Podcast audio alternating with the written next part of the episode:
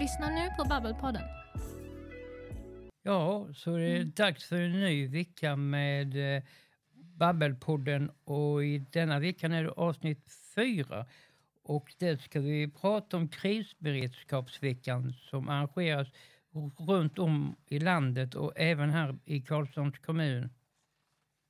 Och idag så, eh, så ska de ha en eh, utställning eller så där de visar eh, kris, hur en krislåda ser ut, vad som finns i en krislåda. Och det är så mycket som det är ju kommunens trygghetspunkter man ska prata om. Det handlar om hemberedskap vid en kris. Och det är så att det är representanter från både kommuner och frivilliga organisationer som är med i eftermiddag.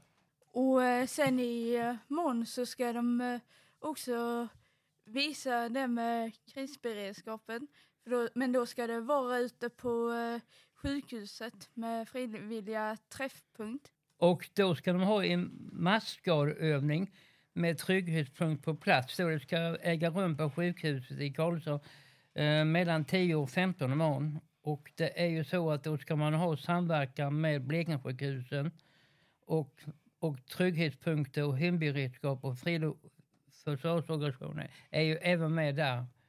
Och det ska ju vara då att det ska hända en olycka av något slag som då kan, inte är verklighet men som ska ses som verklighet. Så alla resurser ska ju dras in. Polis, ambulanser och brandkår. Så det ska bli, så vi eh, på tidningen Babbel ska dit och titta så det ska faktiskt bli intressant eh, för att se hur det fungerar en sån eh, övning. Och det är ju så som jag sa, händelsen kommer att utspelas där många kommer bli skadade och föras till sjukhus i Karlshamn. Och det är ju Region Blekinge kommun ber om hjälp av trygghetspunkt upprättas i anslutning till sjukhusen 3. Och det är Karlshamns frivillig resursgrupp FRG som kommer att finnas på plats. Och det är ju för att stödja allmänheten och de som vill se hur det funkar när det verkligen är en kris kan ju komma dit och titta. Det är likadant med det som är i, idag på Rådhuset.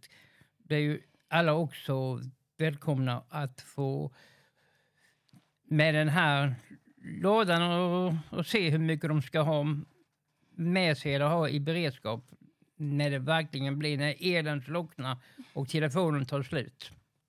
Och sen så går man ju vidare den här veckan. Hur förbereder man sig inför en kris?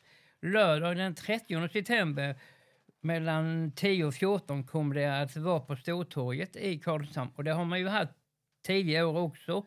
Och där kommer ju finnas information från kommunen, trygghetspunkter, hemberedskap och vad du själv kan göra för att bereda om kris inträffar på plats. Träffar du representanter för frivilligorganisationerna och med mera. Så där kan jag rekommendera de som verkligen vill ta del av det här viktiga budskapet den här veckan. Gå dit på de här och se hur det är i verkligheten. Övrigt under krisberedskapsveckan är biblioteket har information och böcker om hemberedskap och preppning. Svenska lottakåren och eh, lokaltidningarna här besöker Vaggeskolan för att prata om beredskap och källkritik. Elever från flera kurser får möjlighet att lära mer om hur de bäst agerar vid större samhällskris och om lottakårens roll inom totalförsvaret och det är förresten, det var väl i första dagen under eh, måndagen som det var information från MSB, Myndigheten för samhällsskydd och beredskap. Och sen efter kulturnatten då så kommer det vara en eh, krislåda eh, i det glasburen eh, där vid, eh, vid biblioteket i eh, Citygallerian. Kommer de ställa ut lite vad man behöver ha hemma vid en eh, krissituation. Så man kan eh, gå och titta och det rekommenderar jag verkligen att man går dit och tittar.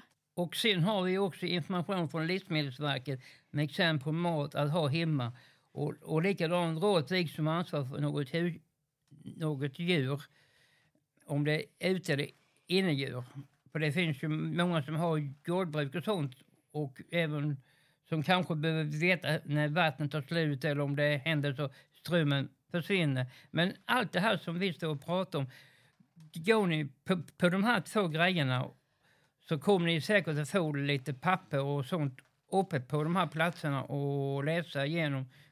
Vi själva fick en hel bunte när vi träffade Ulrika Hägvall Zumba då inför den här veckan om den här eh, krisberedskapsveckan som genomförs nu här under vecka 39.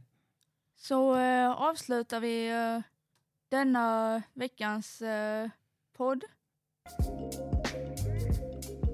Ni har nu lyssnat på ett avsnitt av Babbelpodden med Christer och Johanna.